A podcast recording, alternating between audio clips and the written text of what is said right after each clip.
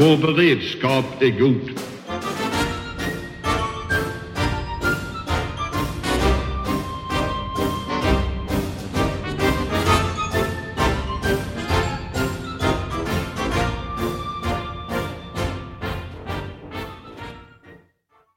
Hej och välkomna till Höjd beredskap, en podd från Aftonbladet Ledare. Och idag så ska vi diskutera begreppet Grand Strategy eller stor strategi som man ibland också säger.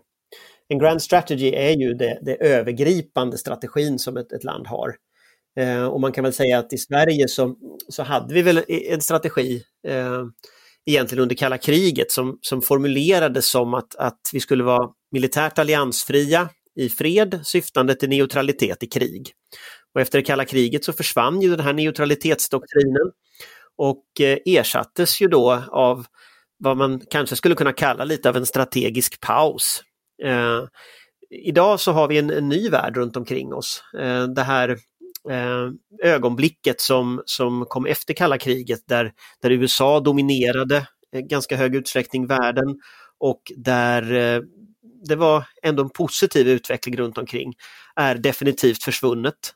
Den här eh, enpolära världen kan man säga utmanades ju då på ett strategiskt plan av, av Ryssland och Kina, ekonomiskt av finanskrisen och också ideologiskt av, av Donald Trumps isolationism och den förändring som vi ser i eh, världen idag.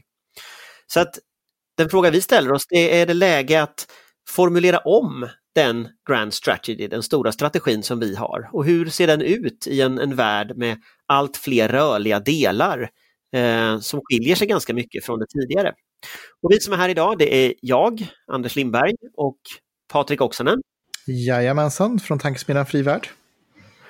Och eh, Patrik, ja du kan ta vid. Ja, eh, jag tar vid och jag tar upp bollen där du slutar. Därför att Oxford Bibliographies, de kallar det för, här, eh, för det highest level of national statecraft.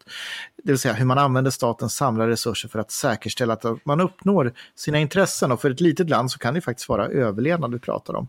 Och den tredje personen och den viktigaste personen med oss idag på den här punkten, det är Jukka Valtasari, en person som vi kan beskriva som veterandiplomat som har varit Finlands ambassadör i Washington under de dramatiska åren kring Sovjetunionens upplösning 1988 till 1996 och sen igen 2001 till 2005. Och däremellan så var Valtasari statssekreterare vid utrikesministeriet i Helsingfors, det som vi i Sverige kallar för kabinettssekreterare. Och eh, välkommen till det här samtalet eh, Jukka och från Helsingfors. Tack för inbjudan. Jag, jag tänkte att vi skulle börja med att eh, du beskriver hur viktig är en grand strategy för ett litet land? Uh, ja, nu, nu, måste man ju alltid ha en strategi att man vet man, vad man gör överhuvudtaget. Och, och det, det, alltså, om du tar lite, eller lite, lite mera historisk synpunkt. Alltså vår grand strategy börjar ju efter, efter uh, krig kriget, det vill säga från och med 45, från ungefär ingenstans. Vi hade, vi hade inget eh, utrymme för, för eh, manöver eh, den tiden. Och sen utvecklade vi så småningom en grannstrategi att, att, att hur ska Finland liksom komma ekonomiskt ut av det läge den, den Finland fanns efter kriget. Det vill säga som vi var ju ett ganska agrart land, agrar, land med agrarekonomi den tiden. Och sen eh, sluta på toppen av konkurrenskraftlistorna eh, i världen efter 50 år. Så det var vår grannstrategi för kalla kriget. Och, och då, det leder till egentligen, när alla kalla kriget slutar, så ledde det till att man ska nu fundera om läget. Vi var inte medlem i EU, mycket plötsligt eh, beslöt vi att nu ska vi vi är medlem i EU. Och det var faktiskt en, för ett neutralt land, eh, neutralt mellan stormakterna, det vill säga eh, ett, ett, ett, stort, ett stort steg mot en grannstrategi. Vi var nu, nu liksom eh, allierad med EU eh, och, och eh, militärt neutralt samtidigt. Alltså att nu är det viktigt att ha en strategi, man måste, och viktigt att tänka det igenom och viktigt att tänka det igenom i, i ljuset av, av, av lägesanalys som är lite större än regional, mycket större nu för tiden, men, men alltid lite större än regional analys. Jag tänkte att vi stannar upp lite grann kring det där EU-inträdet. För att det skedde ju då eh, när du sitter i Washington och ser det här och följer det här från, från amerikansk horisont. Eh, och en inte obetydlig beståndsdel i det är ju också då att Sovjetunionen upplöses och Finland frigörs från eh, VSB, vänskap, samarbete, bistånds avtalet med, med Sovjetunionen då, som då går i graven när Sovjetunionen upplöses. Och dessförinnan så har du hösten 1990 eh, en händelse som, som eh, inte kanske så många svenskar känner till, eh, men som är desto mera eh, känd i Finland och desto mera en, en, ett irritationsmoment från finsk sida. Och det var ju då att Sverige söker medlemskap utan att koordinera det där med Helsingfors hösten 90. Kan du reflektera kring den perioden och vad som hände? Alltså, det finns ju eh, eh, vi har ju, det fanns en viss irritation i den tiden. Jag vet inte faktiskt vad hände egentligen, men irritationen fanns. Men det gick också förbi sen. Eh, men, men, men vad hände egentligen för oss är då att, att, att, att vi, som, som, som du kommer ihåg, alltså vår neutralitet eh, var ju en neutralitet mellan stormakterna. Det var en politisk neutralitet och en, en, ska man säga, en taktisk neutralitet. Och sen när de andra stormakten försvann, eller vid eh, sidan, eh, då, då hörde man neutral mellan, mellan ett storland. Alltså det, själva läget ändrades sådär brutalt så att säga.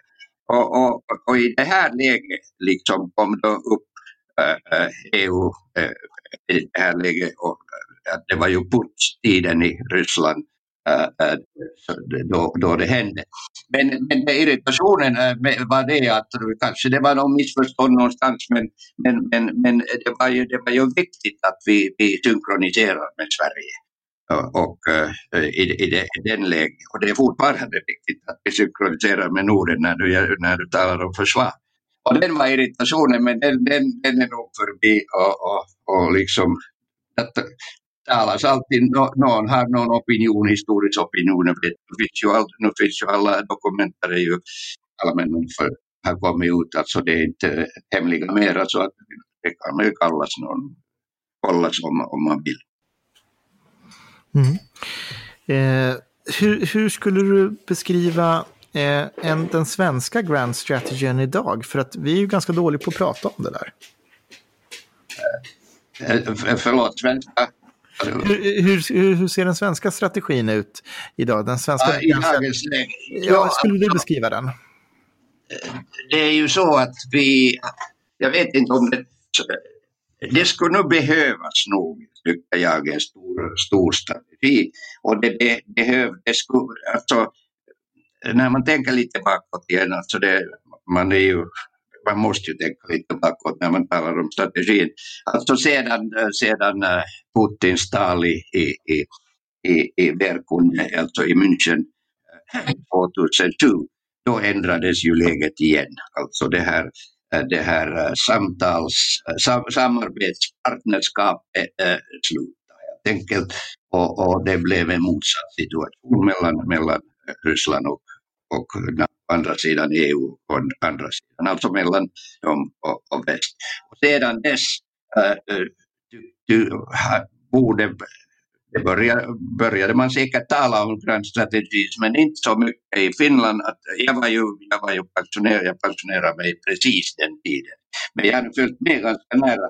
Men, men faktum är att det krävs en strategi. Och, så, och när det kommer från 07 till Krim och då, liksom, då blev det liksom nödvändigt och, och vi fäste mycket uppmärksamhet den tiden av, eh, för, för uh, Hultqvist, alltså uh, försvarsminister Hultqvist uh, uh, uttalanden och särskilt att, att, att, att, alltså, att, att man kan inte fortsätta på samma sätt som man brukar i Sverige. Och, och, och den, då började ju vårt samarbete också liksom utveckla ganska, ganska hastigt. Så att säga. på den, på den, på den, på den militära sidan.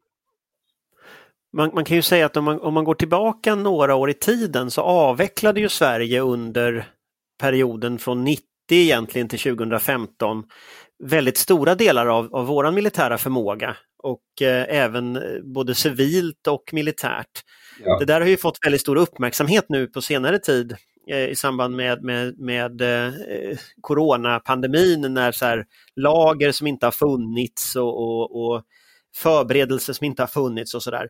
Men samma sak gäller ju även militärt. Hela totalförsvaret är ju avvecklat i ganska stor utsträckning i Sverige. Eller i alla fall nedmonterat. I Finland gjorde man ju aldrig den förändringen. Den här så att säga, pausen som, som vi har tagit tog ju ni aldrig. Eh, värnplikten avskaffades aldrig och så vidare. Hur, hur, hur, resonerade ni så att säga, under den perioden medan vi hade en evig fred här borta? Jo, det var ju, om man nu kommer, försöker komma ihåg den, den perioden, så det var ju Eh, det, det, var ju svårt för alla att, inte alla, men åtminstone USA, om man talar nu om USA, att, att hur är man äh, stor, stormakt äh, utan motstånd? Vad ska NATO göra utan motstånd? Alltså nu talar jag om början på 90-talet när man, när man faktiskt börjar fundera om de här stora äh, linjerna. Och, och men, men, men en del av de här linjerna var ju det att, att att man, man monterar ned alltså då, äh, beredskapet, krigsberedskap eller, eller de här förmågor äh, äh, överallt. och särskilt på den nukleära sidan. Alltså. Det var ju utan förhandlingar man, man, man, man liksom tog bort helt enkelt en stor, stor del, 70-80 procent av nukleära vapen. Alltså man tyckte att, att, att, att det är nu fred och, och, och samarbete och vad, det behövs inte sådana eh, satsningar. Men, men varför inte Finland? Eh, alltså, det, det, är nog en historisk sak.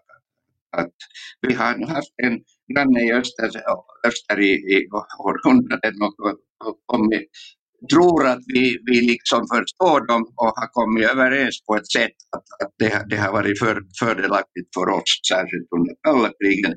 Men, men att, eh, och den, den, den, den förhållanden ändrades inte. Och, och, eh, när jag kommer ihåg att så statsminister Carl Bildt den tiden talade ju om att det, det, för Sverige blir det mindre neutralitet och mera Europa. Eh, för oss blev det också mindre neutralitet, det vill säga det, det blir eh, och, mera, och definitivt mera Europa den tiden. Men, men, men, men alltså det här geografin ändrades inte. När, när, du tar basen nu i, i, den geografi vi har, Finland har ju sin, sin gräns 1300 kilometer och Sverige ligger ju där Sverige ligger. Eh, och eh, om vi tittar framåt nu och, och, om vi tillåter oss att titta väldigt långt fram, vi, vi siktar mot 2050, vi har 20-talet, 30-talet, 40-talet framför oss här. Ja. Eh, och vi ser en värld där, där USAs relativa styrka i världen minskar. Eh, den utvecklingen lär ju fortsätta oavsett eh, Eh, vilka presidenter som kommer därför att andra länder ökar sitt, sitt avtryck. Vi har klimatförändringarna som, som stöper om eh, eh världen och som kommer öppna upp isarna på Arktis. Eh, vi har ett EU som, som kämpar på att hitta sin identitet och sin roll och sin sammanhållning. Eh, som, som är problematisk stundtals.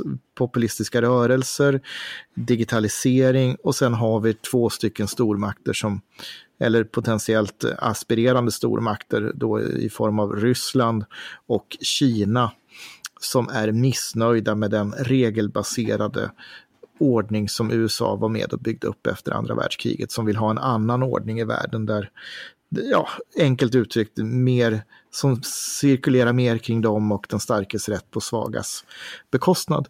Hur, hur ska vi manövrera oss mot 2050? Jo, det här, det här stor, ni funderar i Sverige tydligen av stora frågor eh, om du talar om 2050. Men, men alltså det som är viktigt, och du, du, du hade ju en lång lista om, om, om, om sådana nya dimensioner i, i, i världsbilden. Och, och det är nog det som eh, borde nu liksom tänkas igenom på det sättet att, äh, att det här, jag, jag talar ju om den gamla geografin och vi har granne. Det där, om du tar till exempel teknologiska geografin, det är ju totalt globalt. Det påverkar allting. Och artificial intelligence och, och sånt påverkar. Det ger stora möjligheter och det finns äh, risker också. Det, äh, alltså, den delen av världspolitiken har ju inga som helst regler nu. Vi tänker om det där hybrid, hybrid krigförande agerande så att säga. Alltså, du har en, en, en, en stor äh, bit av, av politiken som heter äh, te teknologiska utveckling, globala utvecklingen kräver nya regler. Inte kanske en ordning men nya regler. Sen har du naturligtvis, du har ju äh, liksom kärnvapen, det, det, finns ju, den finns ju kvar fortfarande, har det gått någonstans. Eh, även om det är en användning är en tabu och hoppeligen förblir sådan. Eh, eh, men, och sen har du så, frågor som miljöfrågor som är sådana här existentiella frågor på lite längre, längre lopp. Men, men, men när EU som bäst talar, ledarna talar om, om miljö. De talar, jag tycker att man talar lite grann på det sättet som om vi skulle ha tid ännu. Jag var ju med i Stockholmskonferensen 1972 och det var ju det var, det var, det var liksom uh, Romklubbens tid och nu måste vi ändra på allting. Men det var 50 och 60 år sedan. Men, men nu kan man inte säga att man har, man har tid. Man, man kan vänta tills nästa år eller, eller sådär.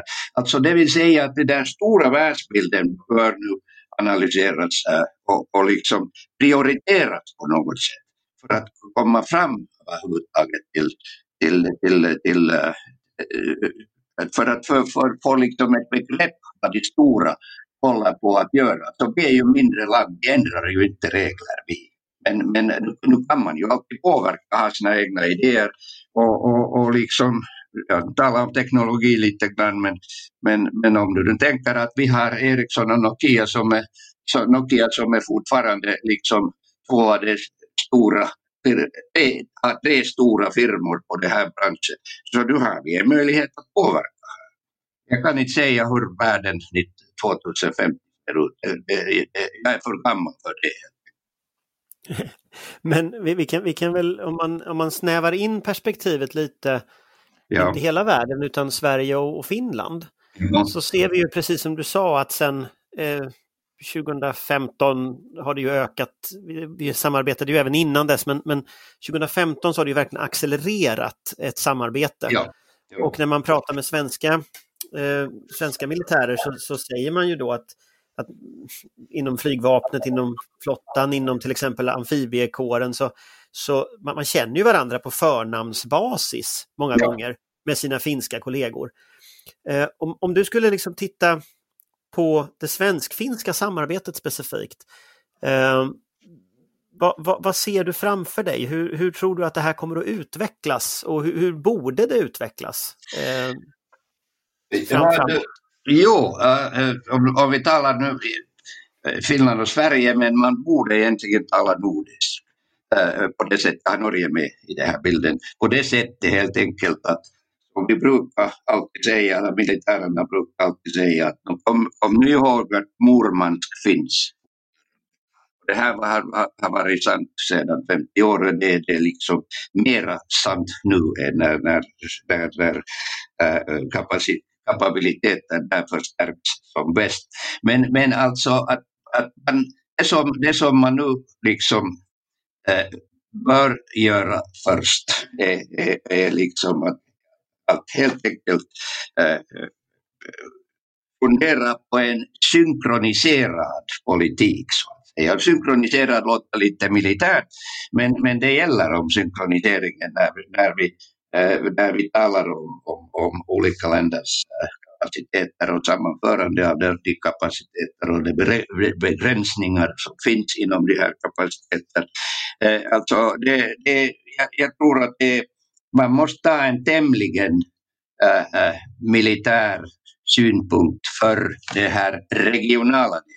För, men, men inte på något sätt att det skulle utesluta de här stora problemen.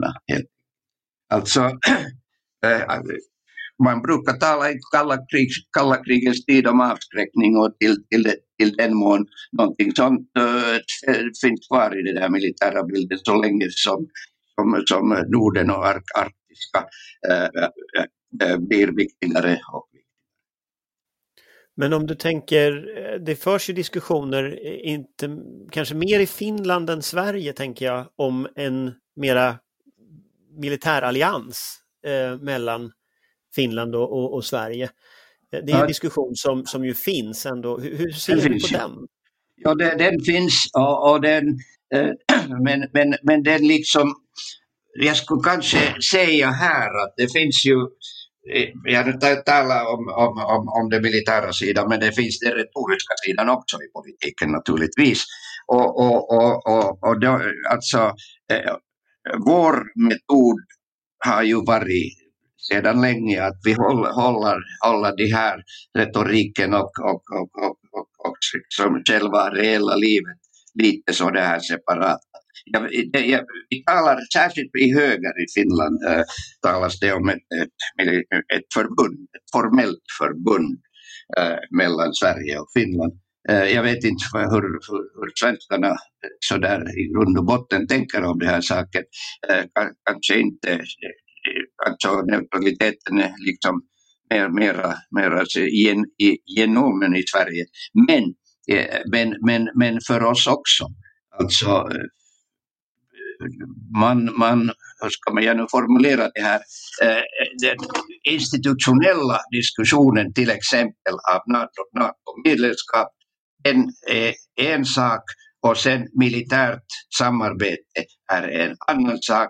Och man borde inte eh, hamna i en situation där man, där man begränsar sina möjligheter äh, genom att tala institutionellt när man borde egentligen tala om, om koordination och synkronisering.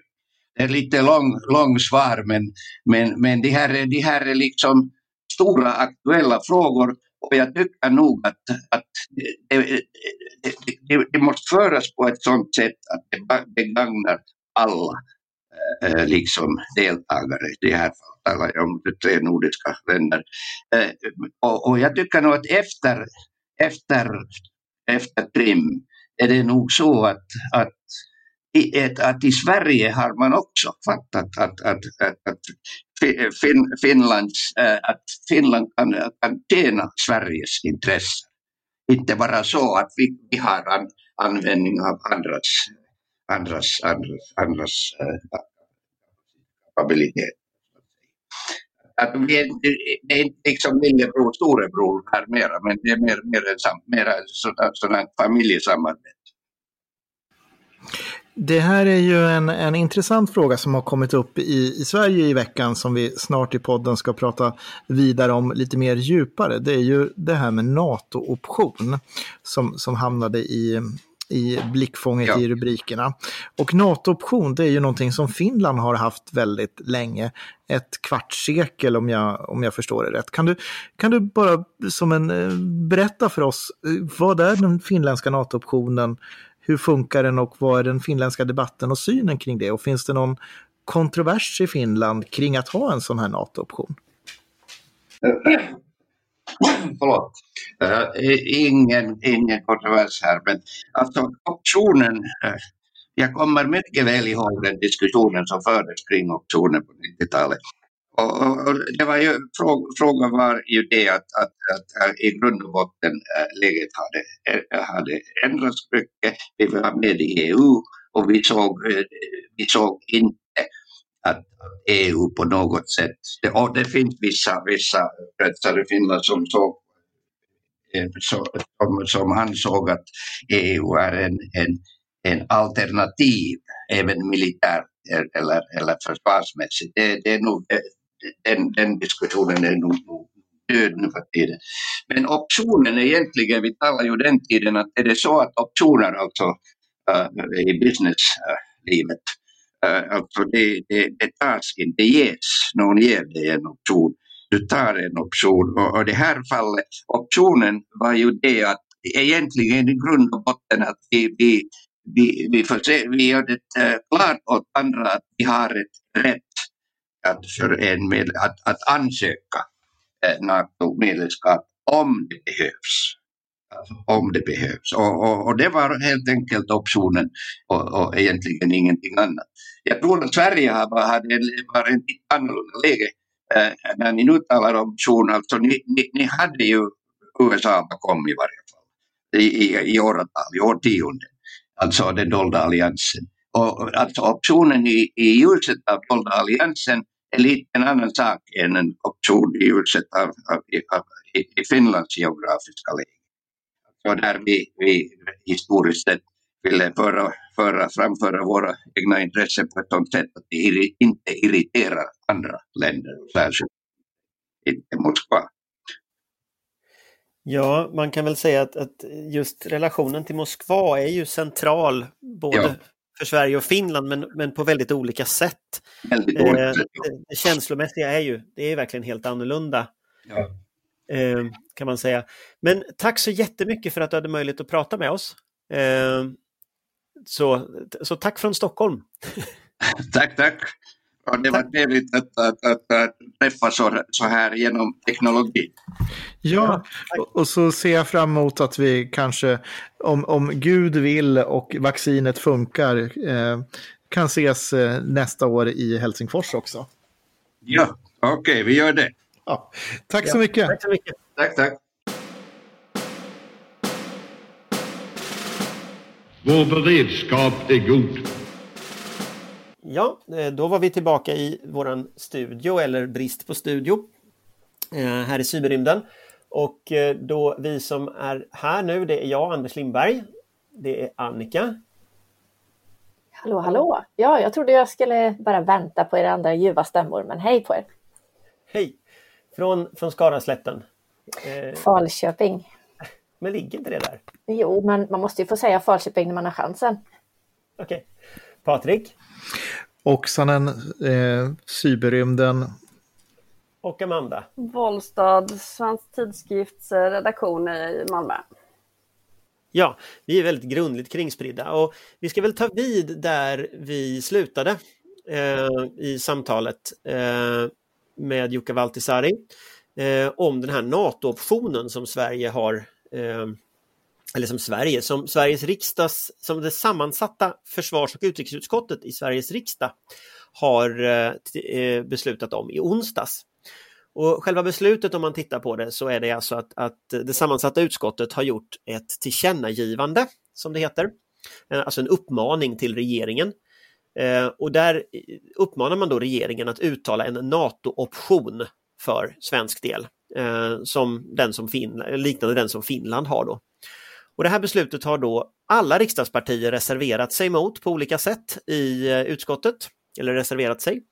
Eh, man kan se att eh, för de rödgröna partierna vill ju inte ha någon NATO-option, så de har ju reserverat sig mot den här NATO-optionen. Allianspartierna, Moderaterna, Centerpartiet, Kristdemokraterna, Liberalerna anser i en annan reservation att Sverige bör ansöka om medlemskap i NATO, så de vill då gå ett steg längre än den här NATO-optionen. Även Sverigedemokraterna har reserverat sig. Och de säger att de är då positiva till försvarssamarbeten och ser att Sverige ska ha ett fungerande samarbete med NATO, men skriver i reservationen att Sverige inte ska gå med i NATO. Eller stormakters militärallianser ska inte Sverige heller gå med i. Eh, däremot anser Sverigedemokraterna att Sverige ska samarbeta, ha ett försvarsförbund med Finland. Alltså det som vi hörde eh, Valtasari kommenterat eh, även en debatt i Finland om detta. Så det är liksom tre olika linjer givet den här NATO-optionen eh, som det är. Men det är ju en strategisk, alltså det är en ganska stor förändring ändå av, eh, av den politik som i alla fall riksdagen uttalar. Eh, vad tänker ni om detta? Patrik? Nej, men jag tänker så här att det är ju, tycker jag, ett välkommet steg att hitta en formulering som är mer adekvat för den verklighet vi lever i. Eh, därför att eh, den här retoriska rökelsen kring den militära alliansfriheten som tjänar oss väl och har tjänat oss väl, den är ju mest retorisk rökelse, fikonspråk och inte med dagens verklighet överensstämmande. Så att, eh, och det är väl helt enkelt dumt att uttala att man inte ska göra någonting som man ändå kan tänka sig behöva göra längre fram, eh, uttalat så. Så att eh, Eh, att, att uttrycka att man har en option att gå med i NATO, det är egentligen att man svarar på NATOs artikel 10, som då är den som kallade Open Door Policyn. Eh, NATOs artikel 10 säger att europeiska länder är välkomna att gå med i eh, försvarsalliansen NATO, eh, då under villkor då naturligtvis att alla medlemsländer godkänner ansökan. Eh, så att det är en, en, det är en de facto sägning av, av den, den verkliga verklighet som finns. Amanda? Ja men det, jag är väl föga förvånad ganska enig med eh, Patrik i den här frågan. Eh, det är ju en... Är man lite insatt i, i Sveriges säkerhetspolitiska historia och så så, så har vi ju en märklig inställning till NATO där vi å ena sidan alltid har spelat under täcket med dem och vetat väldigt tydligt vart vi hör hemma och å andra sidan eh, offentligt tagit avstånd. Eh, och vi har väl också en generation politiker som på något sätt har växt upp med eh, sina moderpartiers retorik men inte fått sig till dels den, den realpolitik som präglade samma moderpartis eh, faktiska agerande under spändare tider. Um, sen kan jag ju i vanlig ordning tycka att eh, det är lite, lite för små steg, lite för långsamt. Um, men, eh, men visst, det är ett steg framåt och det, det är ett steg framåt kanske framförallt till en normaliserad debatt eh, om NATO som ju knappt har existerat i Sverige därför att det har varit det har varit en icke-fråga, det har varit någon slags skrämseltaktik, eh, lämnat ganska fritt för eh, tämligen extremistiska grupperingar som eh, fre i fredsrörelsen med lite oklar hemmavist. Eh, och har inte lämnat utrymme riktigt för, för en seriös debatt om hur vi faktiskt löser vårt försvar i samarbete med andra, därför att något annat alternativ till det finns egentligen inte. Annika? Ett, detta borde ju ha hänt för länge sedan, alltså rent sakligt, en sån option eh, och att vi hade varit koordinerade med den finska linjen där. Två, det var ju uppenbart att regeringen blev överraskad av detta, som vi alla blev eftersom det inte finns något kongressbeslut eller liksom partistyrelsebeslut eller så, utan det verkar ha det är möjligt att det har diskuterats länge i SD, men eh, det, det är som Centern när man bytte linje till exempel, då var det ju ändå en, liksom en demokratisk behandling som omvärlden visste om. Eh, och det gjorde att regeringens reaktion genom utrikesministern kanske inte var helt utifrån regeringens perspektiv optimal, där man tryckte fram det här som något jättestort och jätteviktigt och ja, ansvarslöst liksom agerande för att skapa osäkerhet om svensk linje. Man hade kunnat säga också att SD har inte ändrat sig i sak, eh, typ. Ehm, och tre tror jag var inne på nu, utskottsreservationen eh, där från eh, regeringskonstellationen. Ehm, eh, det är några intressanta saker i den reservationen. Dels så säger man att ehm, när det gäller relationerna med Finland och konsekvenserna av detta, att detta har inte varit ett problem, säger man. Och tvärtom så riskerar den här plötsliga och oförberedda, tror jag det står, omsvängningen att skapa den osäkerhet som Finland och i alla kontakter uttrycker oro för att Sverige ska ställa till med. Det är rätt, rätt intressant. Och det andra som är intressant i den, eh, det är också faktiskt lite märkligt, eh, om det nu är så att man inte har lyft detta i försvarsberedningen. Det framhåller man i reservationen. Det är konstigt att man inte har liksom lyft upp detta så att det kan diskuteras och liksom komma fram där ur de diskussionerna. Detta med NATO-option vi får väl se vad andra sidan som bejakar detta och säger om det. Det kan ju också vara att man har fått signaler om att det inte är lämpligt att prata NATO i beredningen. Eller så har det varit fritt blås där, men man har ändå inte försökt att ta upp det. Och det, detta är en märklig omständighet tycker jag. Alltså när jag, när jag läser om det själv så, så tycker jag ju att det här verkar vara jättedumt alltihop. Eh, Dels så, eh, om man tar det formfrågan först, så har vi alltså haft en försvarsberedning som har jobbat med att ta fram ett underlag för det här eh, för försvarsbeslutet, för inriktningspropositionen. Eh, men här tar man alltså upp det i samband med en budgethantering av, av frågan. Det är ju motioner, om jag inte minns fel, från både C och L va, tror jag, som ligger bakom det här. Mm, det stämmer. Så det, finns, ja, så det finns ju motioner i, i botten här. Men det är liksom ett väldigt konstigt sätt att hantera försvars och säkerhetspolitik. Normalt sett så brukar vi ju försöka i Sverige samarbeta över blockgränsen för försvars och säkerhetspolitik. Sverigedemokraterna är direkt olämpliga att ha med i det här just eftersom det är dels kopplingen, deras, deras kopplingar till Ryssland och, och de problem som har funnits. Eh, vi minns väl alla deras förra eh, försvarspolitiska talesperson som hoppade av partiet och som satt i försvarsberedningen och i försvarsutskottet hoppade av Sverigedemokraterna, gick med i AFS och gick, åkte till, till eh, Moskva och höll hyllningstal för Vladimir Putin. Så att det här partiet skulle jag säga är inte ett parti som man ska basera varken en omsvängning eller en, en, en smal majoritet eh, i en sakfråga på. Så formfrågan tycker jag är jättedum. Det här är något som borde diskuterats i försvarsberedningen och tagits fram i bred enhet om man ska göra detta. Annars ska man låta bli. Det andra som är sak, så, så tänker jag så här att, att NATO-frågan är ju inte på riktigt. Eh, Finland har ingen omsvängning i sikte. Det finns sannolikt inte en majoritet i svenska folket och det finns ingen eh, majoritet i riksdagen för att gå med i NATO. Och De tre villkoren bör ju rimligen vara uppfyllda. Så att, så att själva sakfrågan så ifrågasätter jag faktiskt varför man tar upp den eh, överhuvudtaget när man inte har det på bordet. Jag får känslan av att SD vill komma in i den moderata stugvärmen och att det här är en rent taktisk fråga, att det här kan de liksom erbjuda Moderaterna för att liksom komma lite närmare. Men att det egentligen inte är säkerhetspolitik det här handlar om. Och därför tror jag inte heller det här kommer få jättestora konsekvenser just därför. Låt oss... velat säga det länge. ja, då.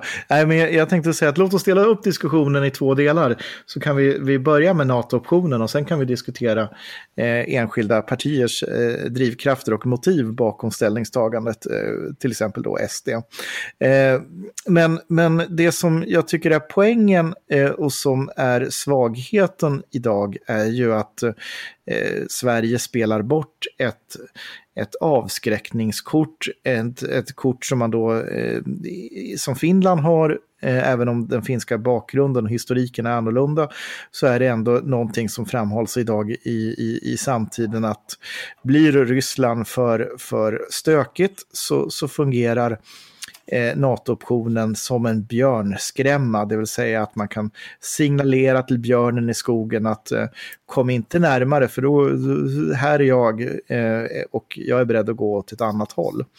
Eh, så att den ses ju idag som ett balanserande kort gentemot Ryssland att använda sig av. Och då är det jättekonstigt att Sverige inte har samma uttalade kort. Och där har det ju att göra med en, en neutralitetsnostalgi som aldrig har egentligen existerat. Eh, vi, vi hörde ju Jukka prata om, om den dolda alliansen som Sverige haft med, med USA under kalla kriget också. Eh, så att det här är ju en, en, formulering som är mer en, en avspegling till verkligheten och där där faller ju liksom eh, det tillbaka på, på socialdemokratin att inte hitta ett säkerhetspolitiskt språk som motsvarar dagens verklighet. Amanda har räckt upp handen. Jag kan ju tycka att vi måste sluta förhålla oss så jäkla mycket till SD, kanske speciellt de här frågorna. Allting kan ju inte i praktisk politik handla om vad SD vill eller inte vill med sina eventuella ställningstaganden. Nu är ju det här en fråga som är viktig, tycker några av oss i alla fall, att driva framåt och få en normaliserad relation så långt som möjligt. Själv förespråkar jag naturligtvis ett fullständigt medlemskap med NATO. Eh, och har vi då den öppningen vi behöver så ja men fine, då tar vi den. Eh, det finns viktigare frågor än, än eh, hur gott Jimmy Åkesson sover på nätterna, ärligt talat. Uh, och det här är ju som sagt en normalisering, därför att det här, alltså NATO-debatten har hanterat extremt märkligt i Sverige. Det är någon slags politiskt tabu. Uh, där, där L och M naturligtvis alltid har varit för, som de, de goda säkborgare de i alla fall tidvis är. Eh, andra har stått lite on defense och, och S alltid har varit emot av någon slags principiella skäl som är grundade egentligen i en historiebeskrivning som är osann. Eh, vi måste kunna diskutera det här som vi kan diskutera andra ämnen. Vi måste ha en, en sund och faktabaserad debatt där, där detta är ett liksom ställningstagande bland andra i hur vi ska stärka vår säkerhet och försvar. Eh, och detta är ett steg på den vägen och det tror jag är Oavsett hur, hur stor skillnad det gör i praktiken med just den här uh, uttalade NATO-optionen, det kanske inte är en enorm fråga faktiskt så, så är det ett steg på normaliseringen eh, till vår, vår relation med de länder, de organisationer som vi kommer behöva arbeta med om vi ska kunna försvara vårt land och vårt närområde. Ja, jag tänk, ja. Nej, men det är någon slags, eh, NATO-frågan blir ju lätt någon slags teaterkuliss här där alla kan projicera sin egen säkerhetspolitiska självbild. Eh, och, och, det uppträder på, på olika sätt helt enkelt. Eh, och den här självbilden varierar ju också, apropå Anders, du var inne på formfrågan. Eh, för det kan man ju notera då i alla regeringsförklaringar och hur de här formuleringarna ändras över tid. Den senaste i höstas, den, den löd Sveriges säkerhetspolitiska linje ligger fast, den militära alliansfriheten tjänar vårt land väl och bidrar till stabilitet och säkerhet i norra Europa. Innan dess, eh, då eh, hade man, då begränsade man det, det var i januari 2019, då begränsade man faktiskt detta till en bedömning som bara avsåg Sverige. För då sa man den militära alliansfriheten tjänar vårt land väl och man pratar liksom inte om att minsann hela norra Europa eh, bidrar vi med genom att vara ha denna säkerhetspolitiska linje till stabilitet och säkerhet och sådär. Va? Eh, så att på något vis så är det vi, vi, säger å ena sidan att vi är jätteglada att USA ser oss som en allierad, vi har dem på vår sida, men den militära alliansfriheten känner oss väl. Vi tycker det är jättebra att EU stärker sitt försvarspolitiska samarbete och vill vara med lite mankelmodigt, men oftast i alla fall i den processen. Men den militära alliansfriheten känner oss väl. Vi tycker det är bra att andra är med i NATO och att, att NATO är i vårt närområde. Eh, det tycker vi är bra, men den militära alliansfriheten känner oss väl.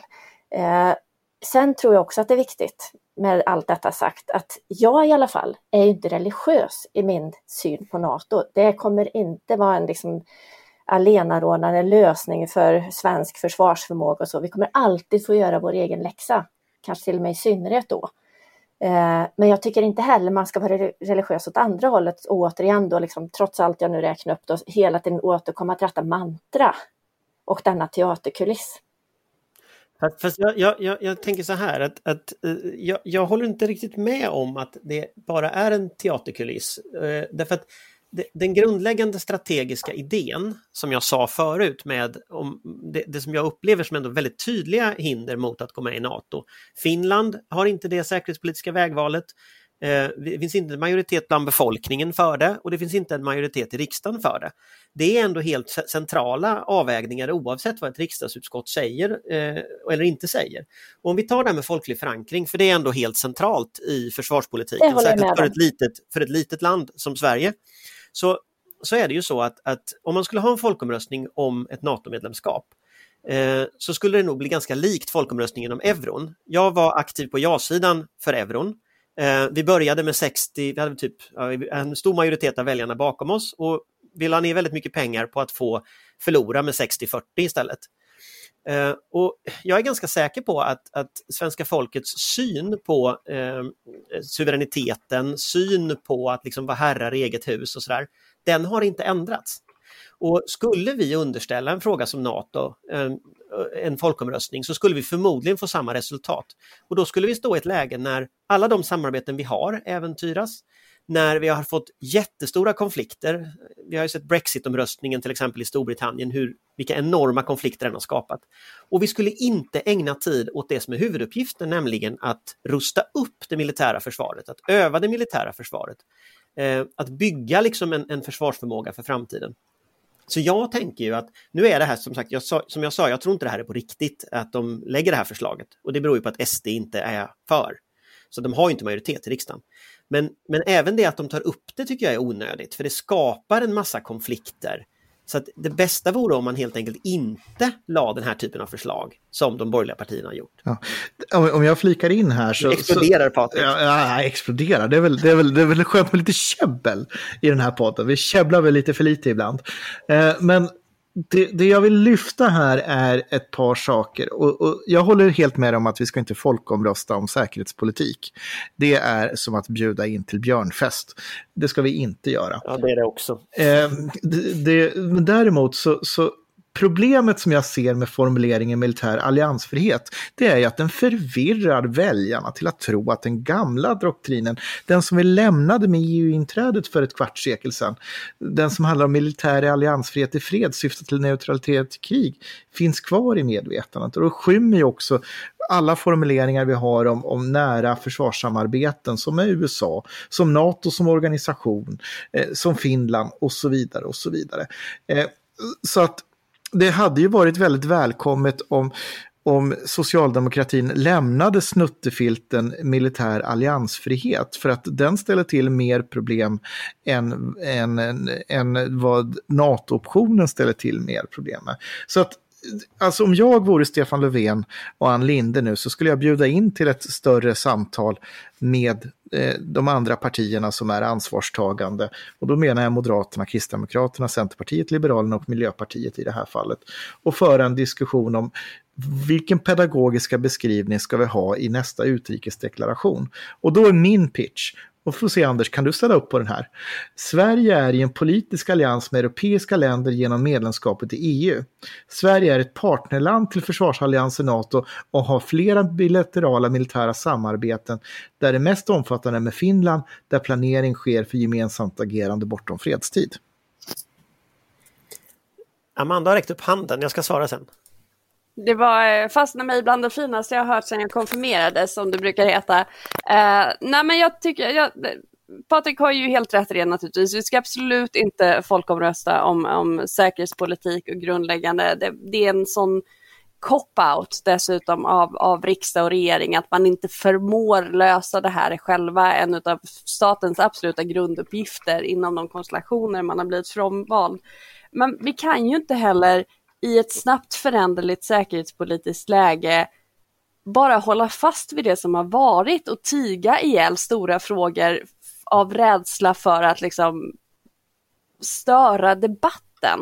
Eh, det är väl kanske tyvärr det som på många sätt har, har fått oss att hamna där vi är idag. Att man har varit lite försiktiga med sina heliga kor eh, och inte inte förmått diskutera vad vi faktiskt måste göra, hur situationen måste se ut, att vi inte bara kan leva på, på gamla meriter, gamla lagar och, och ifrågasätta de här äh, eviga sanningarna som ju återigen dessutom aldrig var sanna. Vi har ju alltid vetat vart vi hör hemma, vi har alltid spelat på liksom västs planhalva, vilket ju är fullständigt självklart, för det är klart att vi tar ställning för liksom fungerande demokratier jämfört med totalitära stater, oavsett vilken politisk färg dessa har.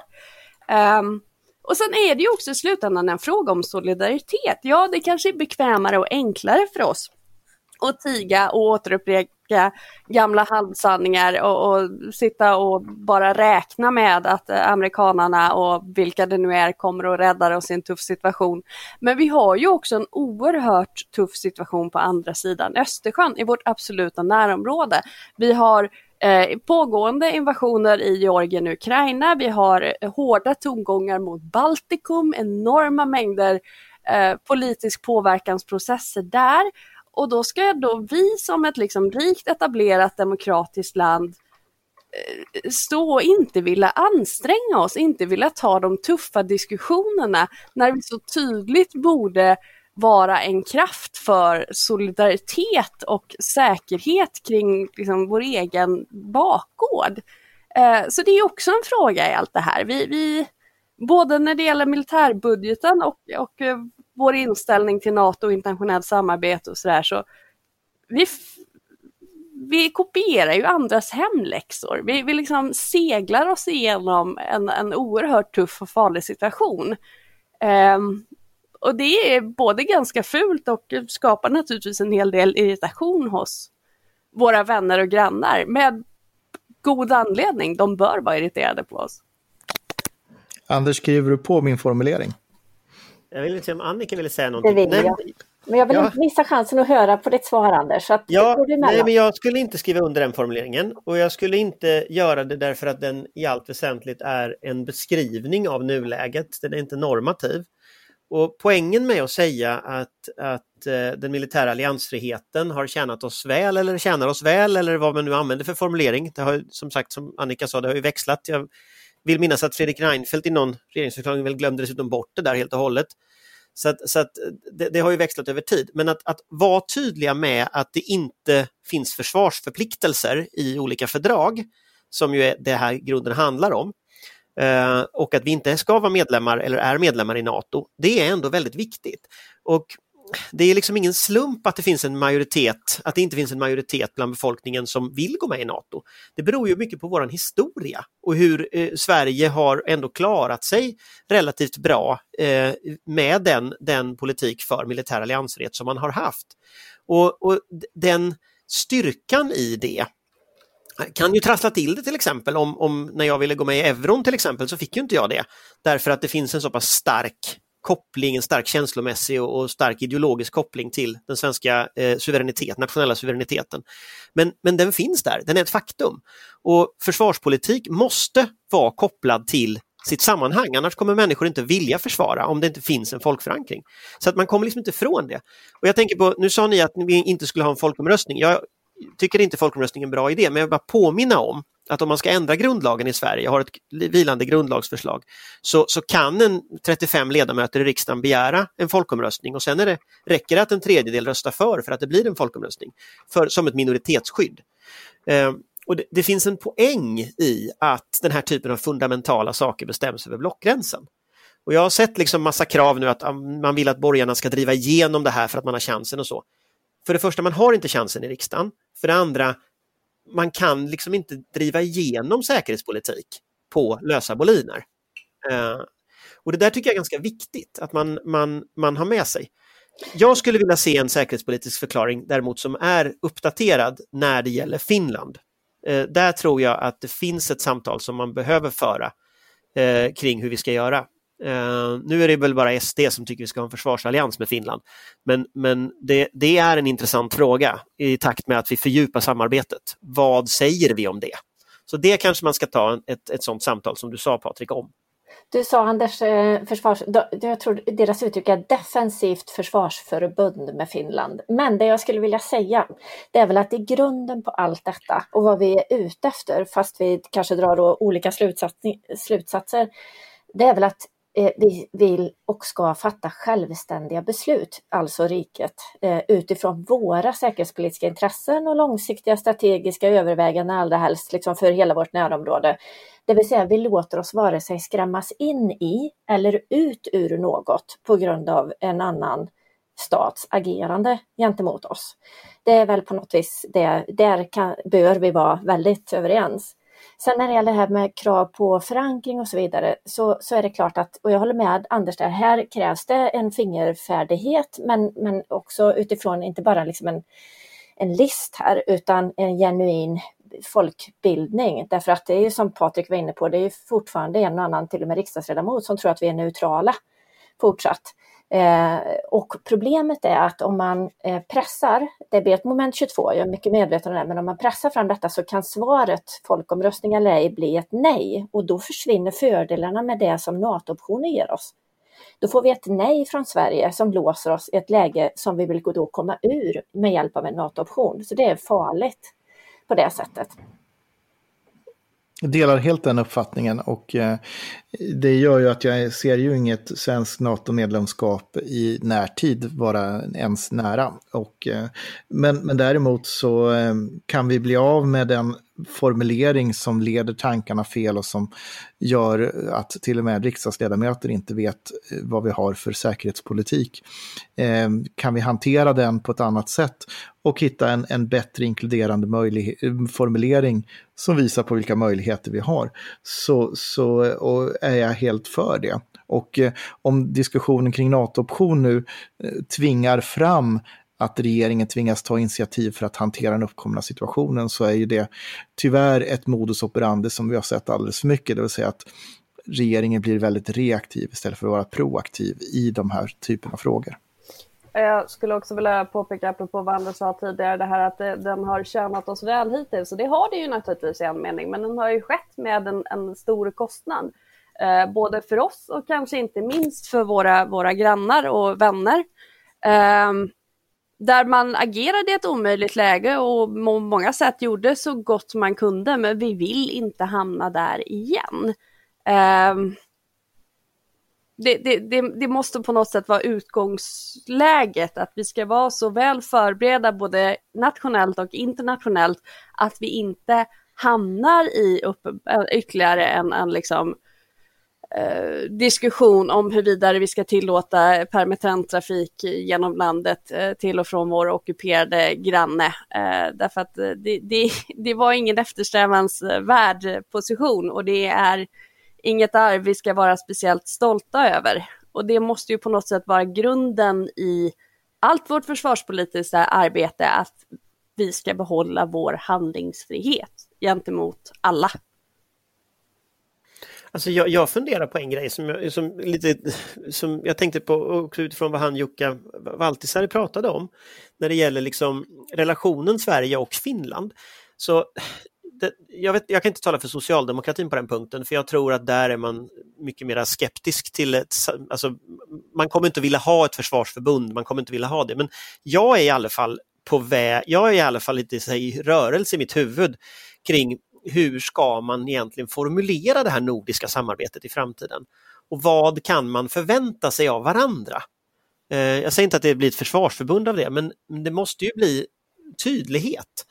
Och just det här nu när vi förbereder oss för att agera efter fredstid så, så kommer vi ju till en punkt när vad vi kan förvänta oss av varandra behöver skrivas ner på något sätt.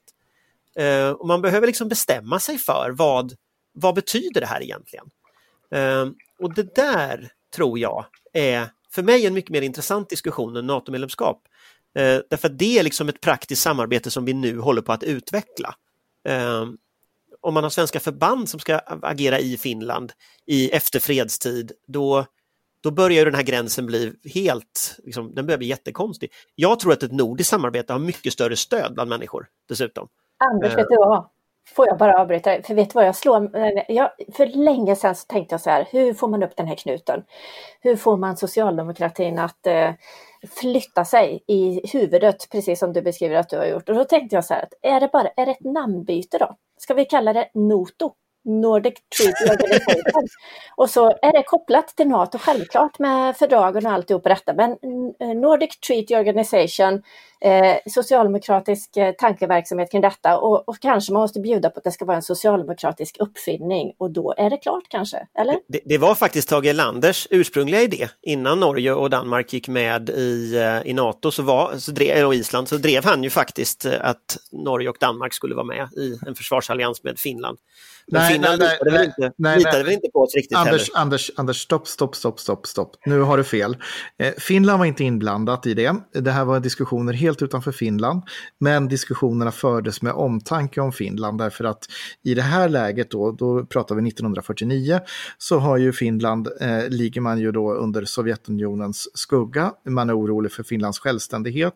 Du har haft eh, kommunistiska maktövertaganden, bland annat i Prag, som har fått stort genomslag. Eh, vi har Berlinblockaden eh, och västs motreaktion blir då att bilda NATO. Men i den här processen så förs det diskussioner om ett skandinaviskt försvarsförbund. Men det är mellan Sverige, Norge och Danmark. Eh, och det faller på att Norge och Danmark inte litar på Sverige eh, och svensk förmåga eh, och ser det som att det är för tunt och att man behöver ha västligt stöd i form av USA och Storbritannien. Jag vill bara säga att min, mitt förslag där om Noto, eh, det är ju då en, en gren av NATO och inte en, en försvarsallians bara mellan våra länder. Så det var möjligen för att undvika missförstånd i den delen. Men jag vill komma tillbaka till Tage Erlander, för att det, det är du har helt rätt i att Finland inte var med och de litade inte på oss. Men det intressanta med det som Tage Erlander jobbade för, det var ju att han hade ju en slags helhetsidé om regionaliserad säkerhet i Europa om man tittar på den diskussionen som var då. Eh, och jag undrar om inte vi jag undrar om inte det finns en risk att den idén, och det menar jag en risk verkligen, att den idén i takt med att USA, om någon Trump-liknande varelse blir vald i framtiden, så kommer ju den, den typen av diskussioner tillbaka. Economist hade en väldigt intressant framtidsspaning förra året när man skulle titta liksom över framtiden. Och då skisserade de ju just att Donald Trump lämnar EU eh, under sin andra mandatperiod. Nu får han ingen... NATO. NATO, förlåt. Eh, eh får han eh, ingen sån mandatperiod. Eh, men att han lämnar, lämnar NATO och att eh, Europa regionaliseras i liksom regionala block eh, av liksom samma, samma skäl. Och jag undrar om inte det finns en sån liksom regional dimension ändå som kommer att växa sig starkare. Det, snabb, eh, det, snabba, det, snabbaste sättet att få ett mycket närmare och djupare nordiskt försvarssamarbete det är att Sverige och Finland går med i NATO. För då kan vi ha en gemensam försvarsplanering, poola resurser eh, och, och ha ett gemensamt högkvarter och så vidare eh, utan några problem. Och skulle då det där scenariot hända att Donald Trump, om vi nu leker med tanken att han blir, blir vald igen 2024 och då lämnar NATO, ja då har vi ju den strukturen strukturen på plats. Eh, men Norden för sig, och det var ju det här som blev analysen från Norge och Danmark, i sig är för litet och för svagt. Eh, behöver uppbackning eh, från andra länder i händelse av en konflikt med dåvarande Sovjetunionen och det gäller samma sak i dagens Ryssland. Jag vill minnas att i, i Economist scenario så var även Storbritannien inblandad i det nordiska samarbetet om jag inte minns fel eh, men jag vet inte, men det är en intressant fråga därför att, därför att det är klart att NATO, det är inte säkert att NATO finns för evigt heller. Eh, även om NATO är grundläggande idag så såg vi ju vad Trump ställde till med på ganska kort tid i undergrävande av förtroendet och sådär. Eh, så att frågan är liksom det här, vad som ska vara en grand strategy tror jag måste kunna fungera både med och utan eh, att alla de där bitarna funkar. Ja, och då... Och då och, vad den skulle se ut som i så fall. Och, och the grand strategy då är ju, handlar ju om att, att göra så mycket man kan för att veta att någonting funkar när det inte faller ut. Och därför så är NATO-optionen bra och det är dumt att låsa sig vid att inte ha den möjligheten. Om det tycker vi olika. ja. Eh, ska vi Ska vi summera ner någonting av detta? Det blev liksom ingen riktig slutsats av det här. Det, det, det blev väl ett, ett, ett käbbel? Mm. Ja, precis. Vi får, vi får bjuda på det för den här gången. Eh, Annika, Amanda, någonting mer? Ja, egentligen inte. Fortsättning följer. Vi ser väl fram emot med skräckblandad förtjusning den riksdagsdebatt som nu kommer ske med mm. anledning av det betänkande vi börjar prata om i alla fall. Ja, den är väl på, vad är den på? Den är början, nästa, den är början av veckan som kommer nu va? Vilken måndag, dag är det? Är det måndag? måndag mm. yes. Då ser vi varmt fram emot den och det kommer säkert bli jätteroligt. Och hoppas på en, eh, på en eh, lite mer intellektuell och spänstig NATO-debatt, inte bara i poddar utan även i tal, riksdagen. Det kan jag hålla med om. det gör vi nog allihop. Där slutar vi i enighet.